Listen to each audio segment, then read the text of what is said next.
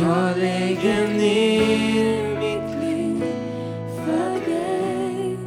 Min klippa, mitt allt Dig älskar jag.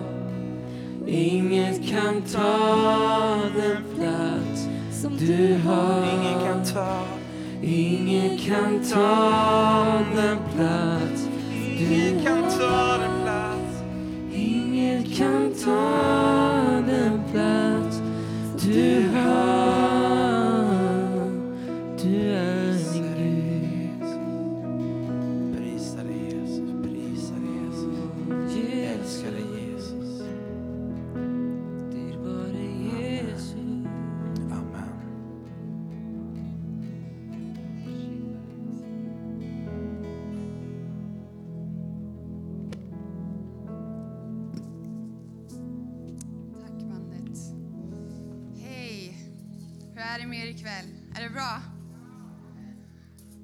sagt, ni har ju hört våra namn nu några gånger, men jag, ser, jag presenterar mig ändå för jag tror jag är nya för många. Eh, mitt namn är då Victoria Nordin. Jag är 23 år gammal, 24 på torsdag. Eh, och eh, jag är född och uppvuxen här i den här kyrkan, i Svedholmskyrkan. Ni från Uppsala känner mig nog mer via mina kusiner. Pauline, Lukas, Hanna, vart är ni? Ni är här? Lite fundersam varför ni inte sitter på första raden, men vi kan prata om det sen. Nej, idag tänker jag prata om någonting som jag önskade jag förstod tidigare som kristen. Som sagt, jag växte upp i kyrkan och det var som att jag kanske var lite sen att förstå många saker, men det tog ett litet tag för mig för att det skulle klicka. Och det är lite det jag vill prata om ikväll. Saker jag önskar jag förstod fullt ut tidigare. Och min bön med hela den här kvällen kan summeras i det Paulus skriver i Efesierbrevet 1, 17, 19. Jag tror det kommer upp här på scenen, eller på skärmarna. Min bön är att eh, det här lilla samtalet, att vi på något sätt ska förstå vishetens och uppenbarelsens ande, att vi ska få tag i den så vi känna Gud mer. Och min bön är att våra hjärtan ska upplysas så att vi inser vad det är för hopp vi är kallade till. Det här har varit helt avgörande för mig att förstå. Det här är mina, mina favoritställen i Bibeln och det här är någonting jag ber dagligen så att jag hela tiden har koll på vad är det för hopp? Varför gör jag det jag gör? Varför tror jag det jag tror? Så det är min bön. Så jag tänker att vi börjar ber och sen kör vi igång. Låter det bra? Okej. Gud, tack för den här kvällen. Tack för att vi får bara samlas i din närvaro och att vi får, får försöka lära oss mer av dig, Fader. Jag bara tackar dig just nu att du tar det här ordet, att du andas på ordet, Fader. Att du möter varje människa här inne precis var de är. Gud, jag bara tackar dig att du får bort mig ur bilden, Fader. Låt mig dö på den här scenen, låt att du komma till liv. Jag tackar dig för det. I Jesu underbara namn. Amen. Amen. Ehm, för, för några år sedan, som sagt, någon, någon nämnde det, jag har bott i Australien några år. Ehm, och jag hade en plan att de första, första halvåret så skulle jag inte jobba.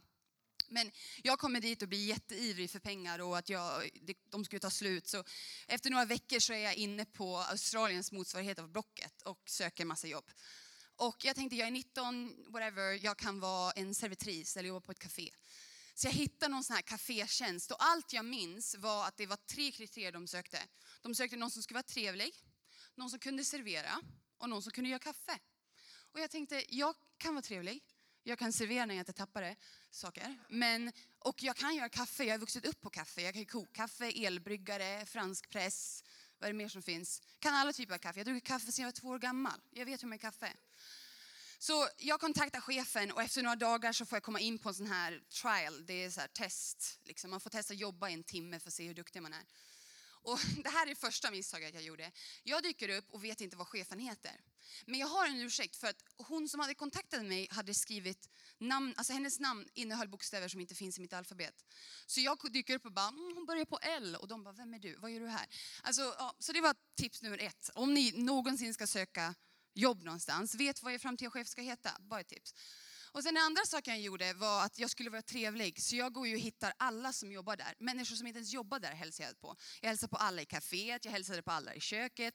Jag satt säkert tio minuter på massa samtal jag aldrig behövde ha eller som hade någon påverkan alls. Så det är tips nummer två. Innan du har fått jobbet, tro inte att alla dina kollegor. Sen så kommer chefen upp till mig och säger så här, okej Victoria, vi har en sån här lunchrush just nu. Så planen är att du ska göra kaffe och du ska servera under den här timmen. Och jag bara, ja absolut. De bara, ah, ja, bara gå runt hörnet så hittar du kaffemaskinen. Och jag går dit Och bara, ah, ja, ska jag göra kaffe? Och det finns ingen kaffekokare, det finns ingen elbryggare, det finns ingen franspress.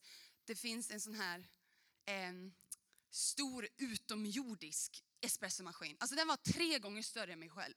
Och då förstod jag att de sökte inte en kaféperson, de sökte en barista. Ni vet baristor, de som faktiskt utbildar sig för deras yrke.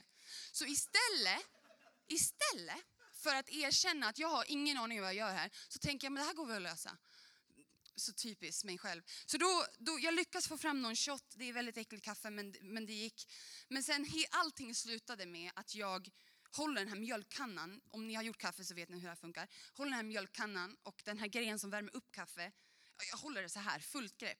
Och jag, jag kokar, eller jag steamar det här kaffet så länge att jag bränner hela min hand, tappar mjölkkannan på mig själv, på golvet, på kaffemaskinen. Och jag hade ytterligare 50 minuter kvar av min, min test. Så det är tips nummer tre. Om de ber er göra kaffe, vet att ni kan göra kaffet. Ja, det var allt för mig. Tack. Hörs Nej, jag skojar. Nej, jag skojar. Tänkte om jag hade så här missförstått hela konferensen och tror att det handlar om jobbtips. Nej, men poängen är så här. Bara för att jag hade vuxit upp med att göra kaffe, eller vuxit upp med att dricka kaffe och jag hade kokat kaffe och jag, alla typer av kaffe, så betyder ju inte det att jag förstod vad de menade när de sa kan du göra kaffe. Och på samma sätt tror jag att ibland kan vi växa upp i kyrkan, eller vi kan växa upp med kristna föräldrar, och vi kan växa upp med kristna kompisar. Och vi tror att vi förstår vem Jesus är, vi tror att vi vet vad, det- vad kyrkan innebär. Men som jag sa tidigare så tog det lång tid för mig att förstå. Jag minns så många gånger jag satt i kyrkan och folk pratade om Jesus till världen och Jesus dit och Indien dit. Och jag bara, men Jesus för mig själv. Jag fattar inte poängen med Jesus. Jag fattar, vad, vad gör vi här? Så det jag sa tidigare, jag vill prata om två olika diken jag tror man lätt kan hamna i som kristen eller har varit i kyrksammanhang. Och det är två olika tankesätt att se på kristendomen och se på tron. Så om ni har en bibel kan ni gå till Lukas 15. Jag kommer inte, prata, jag kommer inte läsa allt för det är väldigt många verser. Men jag kommer, kommer eh, återberätta den. Eh, och det här är en liknelse som Jesus berättar om sonen som lämnade sin far. Och för ni som inte kan historien så gör jag en liten snabb genomgång. Det finns alltså en yngre son och en äldre son och en pappa, en fader. Den yngre sonen ber om att få ut arvet i förtid. Och när han får arvet, för i sin nåd och i sin kärlek till sin son så ger pappan och fadern den yngre sonen arvet. Och när han får arvet så tar han arvet och springer iväg med det. Han tar bort tid och i Bibeln står det att han levde ett vilt liv. Han var helt utan kontroll och han tappade alla pengar. Det slutade med att han kommer tillbaka och ångrar sig. Och där stod pappan redo att omfamna honom och älska honom. I samma veva så har du också den äldre brodern som stannade kvar och var lydig och som blev lite arg när den yngre sonen kom hem och fick, trots att han inte hade förtjänat. Så det är stora drag vad det handlar om. Men det första diket, det kommer jag kalla, det kommer jag Jaha, alltså hon sitter med en sån här Celsiusburk och jag tror att hon vill att jag ska dricka. Jag bara, nej jag vill inte ha. Och jag bara, sen! Jag bara, kan du lugna dig? Men jag gillar att hålla den där nere. Okej. Nej, vi måste öva lite på vår kommunikation. Ja, men det är som det är. Nej, men som sagt, jag vill prata om ena diket. Och den ena diket representeras av den yngre brodern. Den, eller den yngre sonen. Det här diket, den här sonen var den som sökte sitt. Det här var sonen som kompromissade sin familj. Men det här var också sonen som fokuserade, fokuserade på vad han inte skulle göra. Och jag vet inte hur det är med er, men jag tror att ibland kan vi få en bild att kristendom handlar bara om vad man inte ska göra. Typ att det är ett gäng föräldrar som bara, kom, kom, vi samlas, vi samlas. Vi ska inte röka, inte dricka, inte svära och vi ska inte ha sex i äktenskap. Låt oss ses varenda söndag för att bara dubbelkolla att alla är på spåret här. Vi ska inte göra massa saker. Men det är lätt man får den bilden, man bara, ah, man ska inte göra någonting i kyrkan, det är det det handlar om. Och ett sätt att veta om du tänker så här är om någon frågar om du är kristen och du tänker, ja, för att du inte gör massa grejer, så är det exakt det här diket du är i. Om du hittar mer olikheter mellan människor än likheter så är det lite av det här diket du är i. För jag inte gör det här, jag gör inte det här. Och det är, det är en distans från verkligheten och det är ett sätt att se på världen som att vi är någon inboxade liten grupp här som bara, vi gör inte det här. Det är ena diket. Och det representeras av den yngre sonen. För jag vet inte hur många som har övningskört här någonsin eller skaffat körkort. Men jag minns många tillfällen med min mamma när vi körde och så fort en långtradare kom så var det enda jag kollade på. Det var så här, en stor långtradare och varenda gång mamma bara kolla på vägen, kolla på vart du ska. Och lite samma sak, om vi fokuserar på vad vi inte ska göra så är det exakt det vi vill göra. Om vi fokuserar vart vi inte ska så är det dit vi längtar. Och det- min vän, om det här är din tankesätt ikväll så vill jag bara säga du har inte hela bilden. Du har sett en liten del och det kan ha formats under din uppväxt, vem vet? Men det finns så mycket mer. Så det är ena diket, är vi med? Sen har vi andra diket. Det är den äldre sonen. Och det här var sonen som stannade kvar. Det här var sonen som var lydig. Det här var också sonen som blev arg då den yngre sonen fick kärlek om, eller så här, om, vad säger man? Omtanke, tack. Jag bara, omtanke och fick till och med en fest efter sig. Det här är sonen som fokuserade på vad man ska göra. Och jag vet inte om ni har känt det någon gång i kyrkan, men det är väldigt lätt att fokusera på vad man ska göra i tiden. Man ska fasta, man ska be, man ska ge tionde, man ska tjäna. Man ska, man ska, man ska, man ska. Och det är inget fel med att göra de här grejerna, men om du tar identitet eller värde i det så är det det. För helt plötsligt så missunnar du andra nåden. De förtjänar den inte, jag har ju jobbat för den. Som att det finns någonting i det här riket som vi kan tjäna eller förtjäna. Och det här är, det här är problemet med det andra diket, att man fokuserar på vad man ska göra. Och det är lätt att man får den bilden i tron också. Att det handlar på något sätt om att vi alla är kallade, vi, vi, vi. Men egentligen så har det ingenting med oss att göra. Och det är den gemensamma faktorn med båda dikena. Vare sig du är i ena diket eller andra diket så handlar båda diken om vad du gör. Eller vad jag gör. Det handlar inte om någonting som är gjort för oss. Och det är det jag vill komma till, till vägen. Jesus säger att han är vägen, sanningen, livet. Jag tror att det är här han kommer till. Vägen är det som har gjorts för oss, inte vad vi gjort för någon. Vägen är att han dog och uppstod för oss, inte att vi har förtjänat något. Och det är dit jag vill komma till ikväll. Och det som är huvudpoängen. Så vägen representeras av Fadern. Och Fadern, som sagt i den här historien, om ni har läst den eller kan den, så, så svarar han likadant åt båda sönerna. Till den yngre sonen säger han, han som sagt springer in kulturen men inte springer. omfamnar honom, tar hem honom, ger honom bästa kläderna och gör en stor fest för honom. Men den äldre brodern, till den äldre sonen säger han, men du är ju här hela tiden med mig, allt mitt är ju ditt. Han gav lika mycket till båda, han gav allt till båda. Och det är det som är vägen. Och som jag sa tidigare, jag växte upp i kyrkan, jag hade väl länge någon slags uppfattning om Gud, men jag kan ärligt inte säga att jag har, jag kan inte nästan säga att jag har bemästrat det här än. Det är väldigt lätt för mig att hoppa till vad jag inte ska göra och vad jag ska göra. Men jag hade ett möte när jag var 16 år gammal som förändrade mitt liv. Jag vet inte om någon, ni från Livets Ord vet om det här. Det var en Sverigeresa som skedde 2012. Ja, en har koll. Två. Perfekt. Eh, och vi reste runt, hundra ungdomar, några städer i, i, genom Sverige. Och jag minns hur jag hade sagt till Gud att Gud, dyk inte du upp så, så det här sista, sista grejen jag gör i kyrkan. Det var, det var samma sommar jag skulle börja gymnasiet. Och vi åker runt och eh, sista kvällsmötet, alltså för det första om jag är helt ärlig, så under alla vittnesmål under hela resan så satt jag och tänkte, alltså alla de här är ju hjärntvätt, alltså det här har inte hänt. Och trots att saker skedde framför mig så var jag så cynisk i mitt hjärta och jag hade byggt upp att allt det här handlar om vad vi inte ska göra och vad vi ska göra. Det där är påhitt liksom.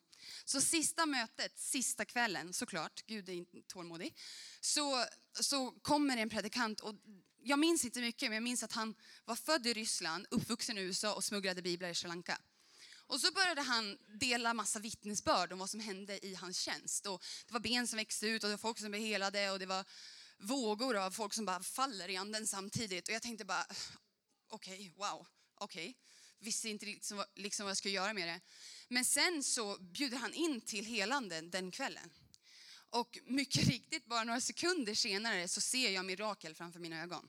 Helt, alltså folk blir helade, det är helt sjukt. En bröt glasögonen så här minns jag. Det var helt så här. Och det var som att allt det här mentala som jag på något sätt hade byggt upp, fick bara, jag fick bara lägga bort det och bara, men Gud, om du finns så vill jag ha dig. Om du finns så vill jag att du ska bli min på något sätt. Så i slutet av mötet så, jag kommer inte riktigt ihåg om jag gick fram eller om han kom upp, men den här pastorn kom och bad för mig. Och det första han säger till mig förändrade mitt liv.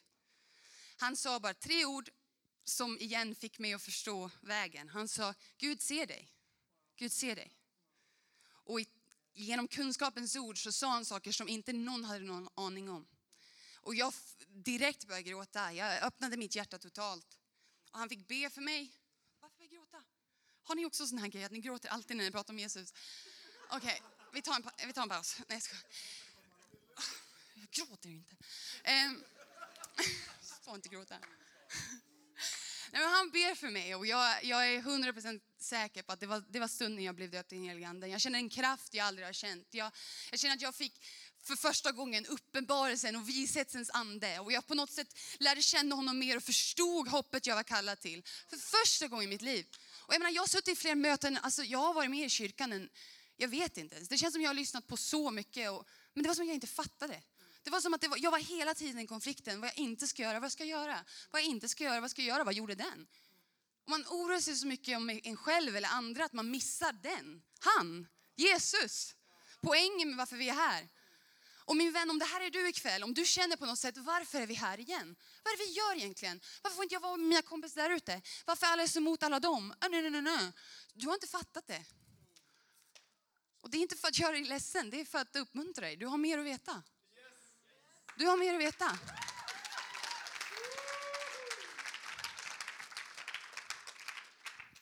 Och som jag sa tidigare, bara för att jag mötte Gud så starkt när jag var 16 och har sedan dess aldrig, nu gjorde jag samma sak igen, tack. Aldrig tvekat på honom eller tvekat på hans existens.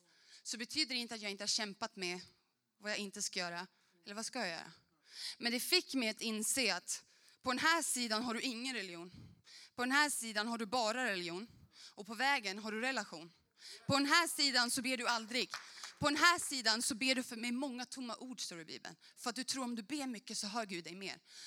Här på vägen så ber du för att ha relation med Gud. På den här sidan fastar du aldrig. På den här sidan fastar du för att bli sedd. På vägen fastar du för att, men det är en hemlighet mellan dig och Gud. På den här sidan så lyssnar du inte på någon. På den här sidan så lyssnar du på omtyckt. Men på vägen så är du älskad och därför lyssnar du. Det har tagit mig år.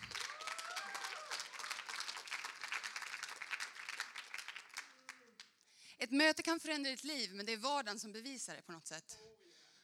Och det, tog, det har tagit mig flera år att förstå det här. Och hela tiden rycka mig ur när jag är frestad att fokusera på vad jag inte ska göra och vad jag ska göra. Att hela tiden komma tillbaka till vägen. Att hela tiden se riktningen, se målet. För när man ser riktningen och målet, när man vet vart man ska, när man vet att evigheten är verklig, så blir allt annat en distraktion. Och det är min bön ikväll, att hoppet vi kallar det till, att det är riktningen för oss som unga. För fakta, ni behövs. Varenda, varenda en av er. Det är inte en slump att vi växer upp med kristna föräldrar, att vi är här ikväll. Det är en sån övernaturlig plan av Gud och det vore en skam om vi är fast i ena diket eller andra diket. Så det, det var det jag ville dela ikväll. Nu ska vi få höra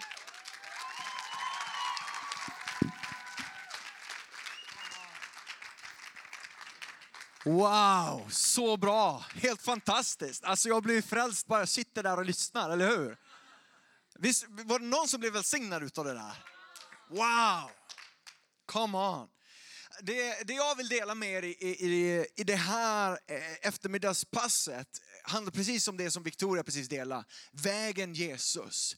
Ikväll vill jag gå djupare med er och, och ikväll så tror jag att Gud kommer att göra något i era hjärtan som du kanske inte var förberedd på när du kom hit idag.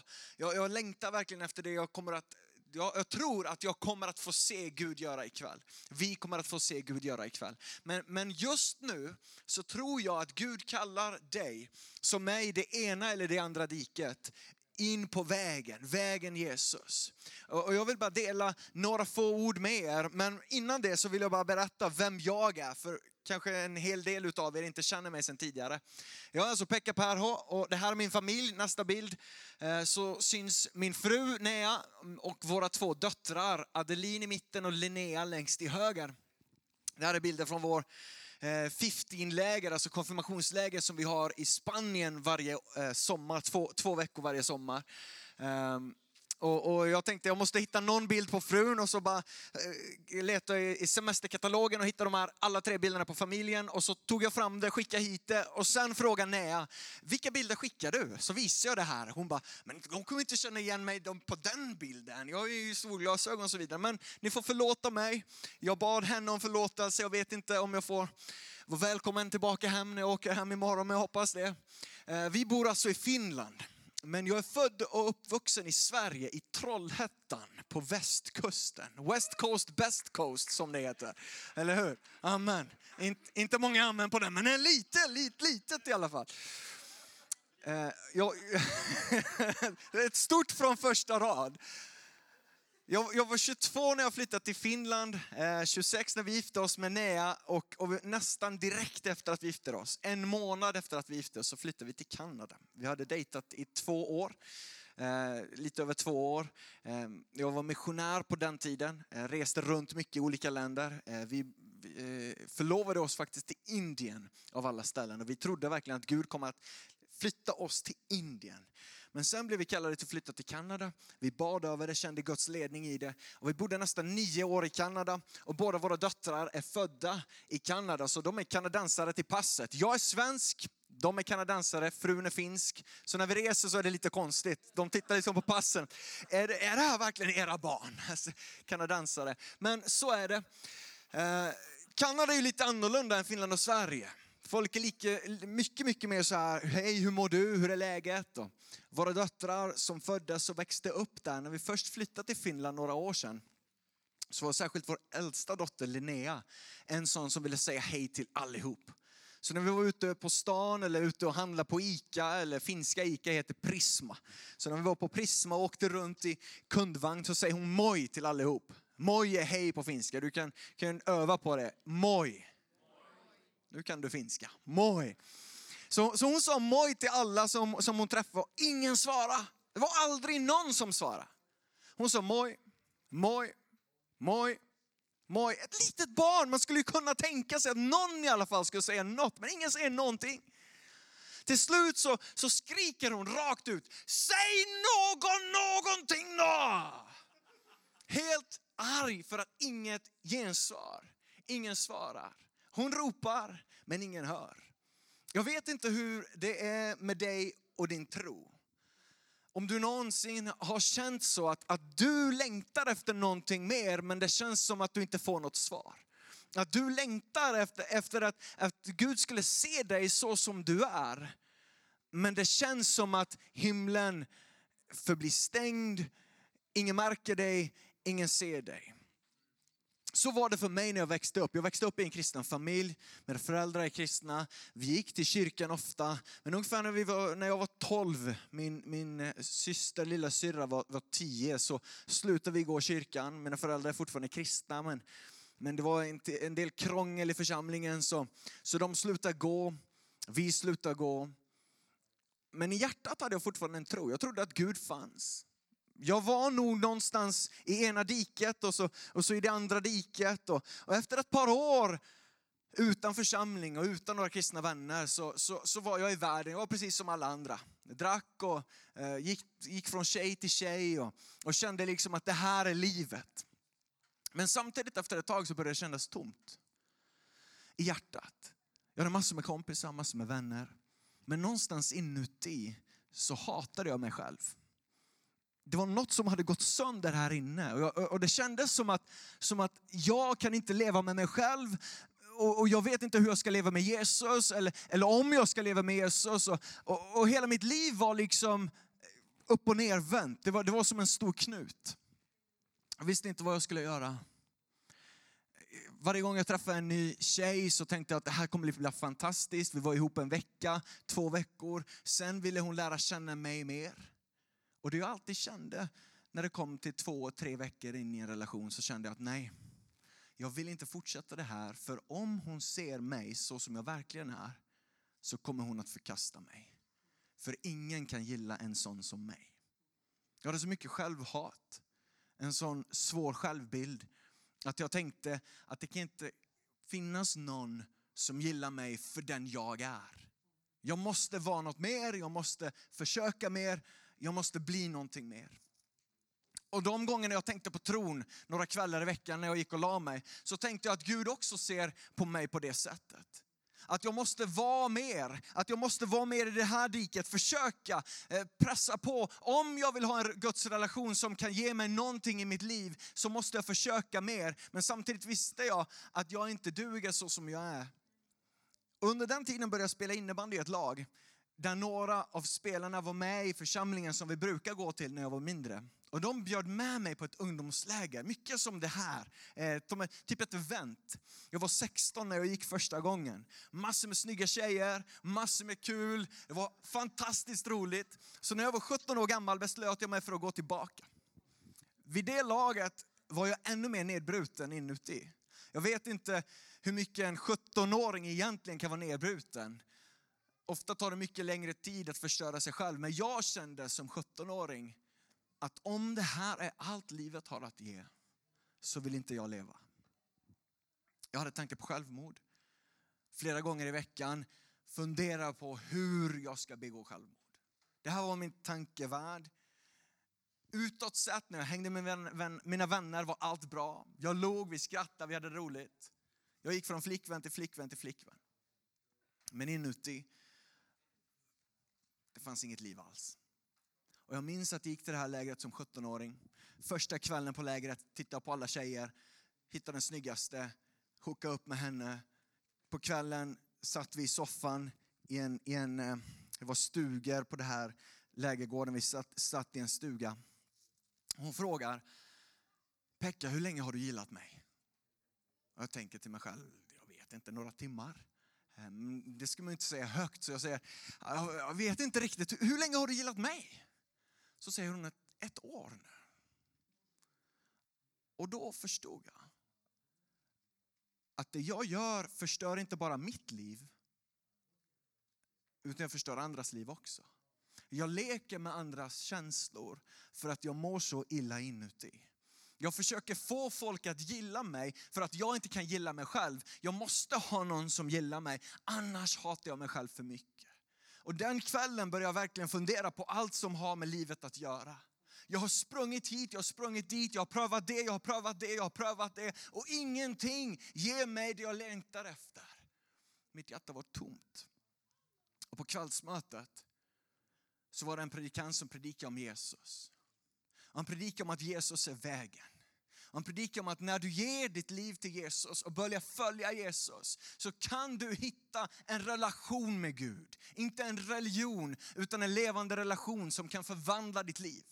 Och jag, för första gången i mitt liv så hör jag att det finns en relation man kan ha, inte bara ett göra för Gud så att jag duger för Gud. Det var det jag hade hela mitt liv försökt att göra med människor.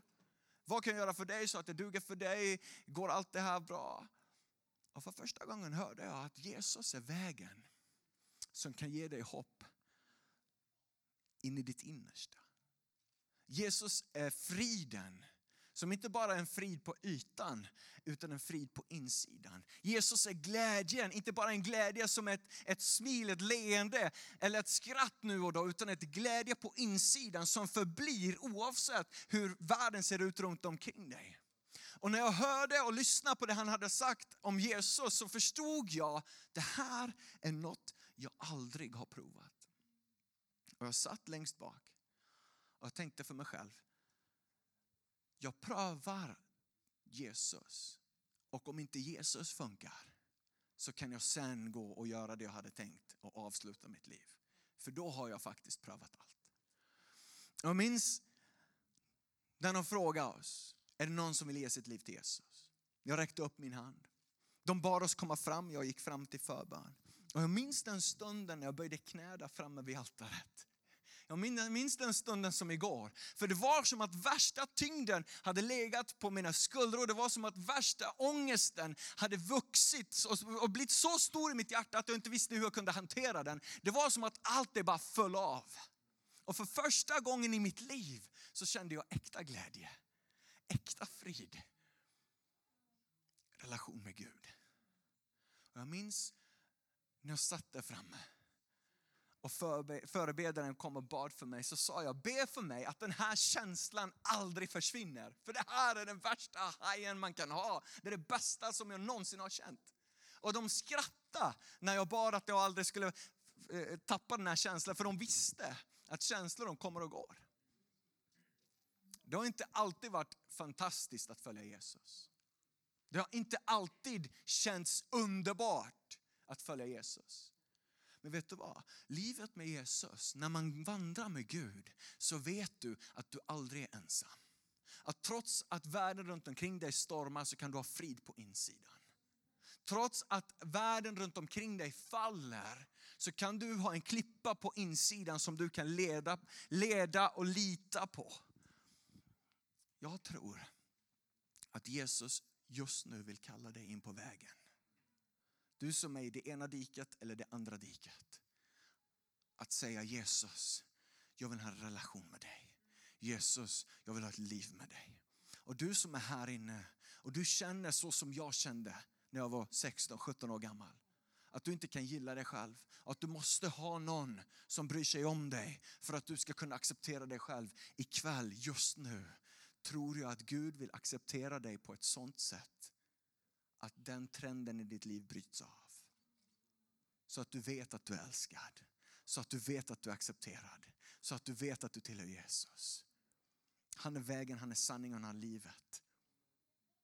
Victoria, jag ber att du kommer fram. Lovsångsledarna, om lovsångsteamet vill komma fram. Vi vill be för er. Vi vill leda er in i det här. Du som är i det ena diket eller det andra diket. Vi vill hjälpa dig. Gud är här för att hjälpa dig upp på vägen som heter Jesus.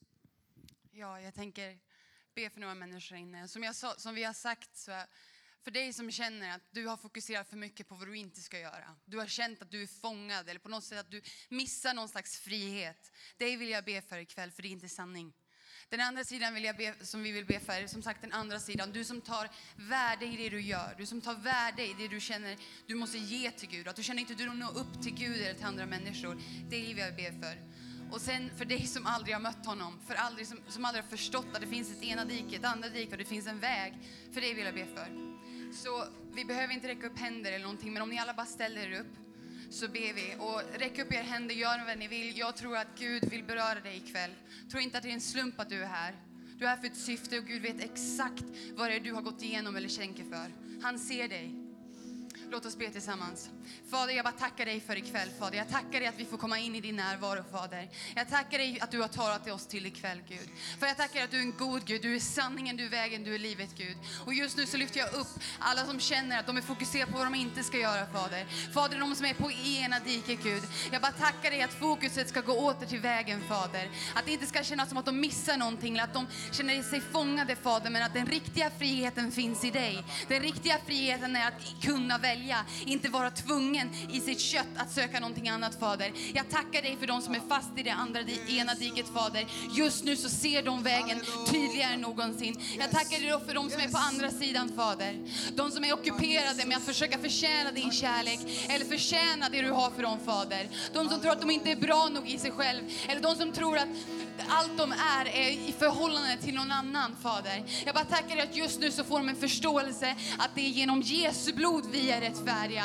Det är genom tron på Jesus som gör vi har rätt position med Gud. Det är genom Jesu blod vi står rena, heliga och öppna för den levande Guden, Fader. Jag tackar dig för en uppenbarelse, en uppenbarelse om hoppet du har kallat oss till. En uppenbarelse att du är den som har planterat någonting i oss, Fader, som är så mycket större än oss själva, Fader. Jag tackar dig för de som aldrig upplevt vägen, Fader. Som aldrig har sett vägen, Fader. Jag tackar dig att just nu så visar du dem vägen, Fader. Du Jesus, du visar dig just nu för människor, Fader. Jag tackar att de just nu ser att du är kraften, du är sanningen, du är vägen, Fader. Du är allt de behöver, Fader. Och att du dog för oss, du dog och uppstod, bryggade gapet för gott. Vi behöver inte göra en sekund till, en grej till, Fader, för att komma in i din närvaro. Och just nu så tackar jag att du gör ett verk inom de här människorna, Fader. Jag tackar att du berör varenda människa här inne. Jag tackar att 22 februari är ett märke, det är ett stake in the ground. Nu har jag bestämt mig. Jag är trött på att vara i ena diket och andra diket, Fader. Jag går framåt mot spåret du har för mig, Fader. Mot hoppet jag är kallad till. Och jag tackar dig just nu att det här är en verklighet för dem som är här, Fader. Må de känna det i deras hjärta att just nu ikväll så är det ett hopp de aldrig kommer kunna förneka, Gud. Jag tackar dig, Fader, att du har visat det här för oss, Fader. I Jesu namn. I Jesu namn. Vi vill leda in i att du tar ett steg ut också. Du som känner på ett eller annat sätt att du är ena eller andra diket. Du som känner att du kanske med bara en fot är i diket, men du vet att en del av dig är i diket. Och du säger till dig själv just nu, jag vill stå med Jesus. Jag vill stå på vägen. Jag vill stå i relation, inte i religion. Om det är du så vill jag att vi tar ett, ett steg ut. Eh, tänk så här, den plats som du står på det är diket. Den plats där du sitter eller står just nu, de flesta av oss står. Den plats där du står just nu, det är diket och här framme är Jesus. Inte så att det alltid är så, du kan träffa Jesus precis vart än du är. Men som ett konkret beslut i våra liv. Som ett konkret steg av tro där vi säger Jesus, jag väljer dig. Så vill jag kalla dig fram just nu. Du som känner, du har varit med en fot eller kanske hela dig i ett dike och vill ikväll säga, just nu säga Jesus, jag vill stå med dig igen. Bara lämna din plats just nu och kom fram hit. Just nu, bara lämna din plats och kom fram hit. Inför Gud, inför dina vänner, inför hela världen. Följ Jesus. Det är det bästa beslutet du kan ta. Yes, kom fram, kom, kom, kom. Vi väntar på dig. Kom. Tack Jesus. Tack Jesus. Fortsätt komma. Bara fortsätt komma. Tack Jesus. Tack Jesus, tack Jesus. Du kan komma vilken sekund som helst medan jag talar. Jag kommer bara dela några kunskapens ord för jag tror att Gud vill tala till några individer just nu. Men vilken stund som helst som du känner att jag måste bara kliva ut ur det här diket. Du kanske bara har varit i diket med stortån men du känner när jag vill välja Jesus idag. Jag vill säga ja till Jesus idag. Du kan komma fram du också. Först och främst, underbart att ni har kommit fram. Tack för att ni kommer fram. Tack för det här beslutet. Det är det bästa beslutet i ert liv. Men jag kände jättestarkt medan Victoria bad att det finns någon här, det finns en tjej här. Du känner att på insidan så är det som ett kärl som har gått sönder. Ett lerkärl som har gått sönder. Och det känns i ditt hjärta just nu som att du är i, i bitar, i tusen bitar. Och vem kan limma ihop det här? Något har hänt. Jag vet inte vad det är som har hänt. Men det jag ser är ett lerkärl som är brutet. Och det känns i ditt liv just nu som att jag är i tusen bitar. Hur ska det här kunna sättas ihop igen? Men vet du att Gud som skapade dig, han har en god plan för dig. Han har en kärlek som går ut över allt förstånd. Hans nåd är större än någonting vi kan någonsin fatta. Och när han tar tag i våra bitar i vårt liv så kan han sätta ihop oss och att det blir bättre. Det som han gör blir bättre än hur det var innan det som hade hänt. Jag, jag, tror verkligen att just nu är din stund, just nu är din stund. Det kommer att finnas förebedjare här i rummet här intill på vänster sida om scen precis efter det här mötet. Och särskilt du som känner igen dig i det här. Något har gått sönder på insidan. Kom, låt Gud hela dig. Tack Jesus. Tack Jesus. Känner du också att det finns några här, att, du, att ditt dike kanske inte är, är de, de dikena som Victoria delar, men ditt dike är någon slags synd som du har först bara haft sådär nu och då i ditt liv, men den har börjat ta ett grepp om ditt liv. Det kan vara en attityd, ett tankesätt, någonting du gör, någonting du tittar på och det har börjat ta över ditt liv. Och just nu kan Gud sätta dig fri. Så om det är du kan du komma fram hit också och bara säga yes Jesus, jag vill säga ja till dig. Men nu allihop i hela det här rummet, vi bara sluter våra ögon, sträcker våra händer mot himlen. Och du som kom fram, vi vill be tillsammans med er. Du som kom fram och säger ja till Jesus just nu. Victoria, vill du komma och leda in i bön? Vi bara eh, tackar Gud för er och vi leder in i en bön där vi tillsammans med er vandrar med Jesus. Vi står tillsammans med er i Jesus. Upprepa efter mig. Tack Gud för att du sänder din son. Tack Gud Tack Gud. att han är min räddare ikväll. Att han är min räddare. Tack Gud Tack Gud. att Jesus du är Herre. Att Jesus du är här. Och jag välkomnar dig i mitt liv. Och jag välkomnar Jag låter dig ha ägandeskap av mitt liv. Jag låter dig ta ägande. Jag säger att du är mitt allt. Jag ser att du är mitt allt. Jag lämnar allt annat bakom mig. Jag lämnar allt annat bakom mig. Jag är fokuserad på vägen. Jag är Fokusera på vägen. Vägen som är Jesus. Vägen som är Jesus. Och jag tackar dig att du har förlåtit mig. Jag tackar dig att du förlåtit mig. Följer dig tills ändens slut. Följer dig till ändens slut. Amen. Amen. Amen. Amen. Tack Jesus. Vi lovsjunger Jesus tillsammans. Förebedjare, eh, ni som finns tillgängliga, du som vill ha förbön. Vill du? Vi kommer fram, förebedjare kommer fram. Så du som vill ha förbön kan bara komma fram också. Förebedjare finns här och ber för dig.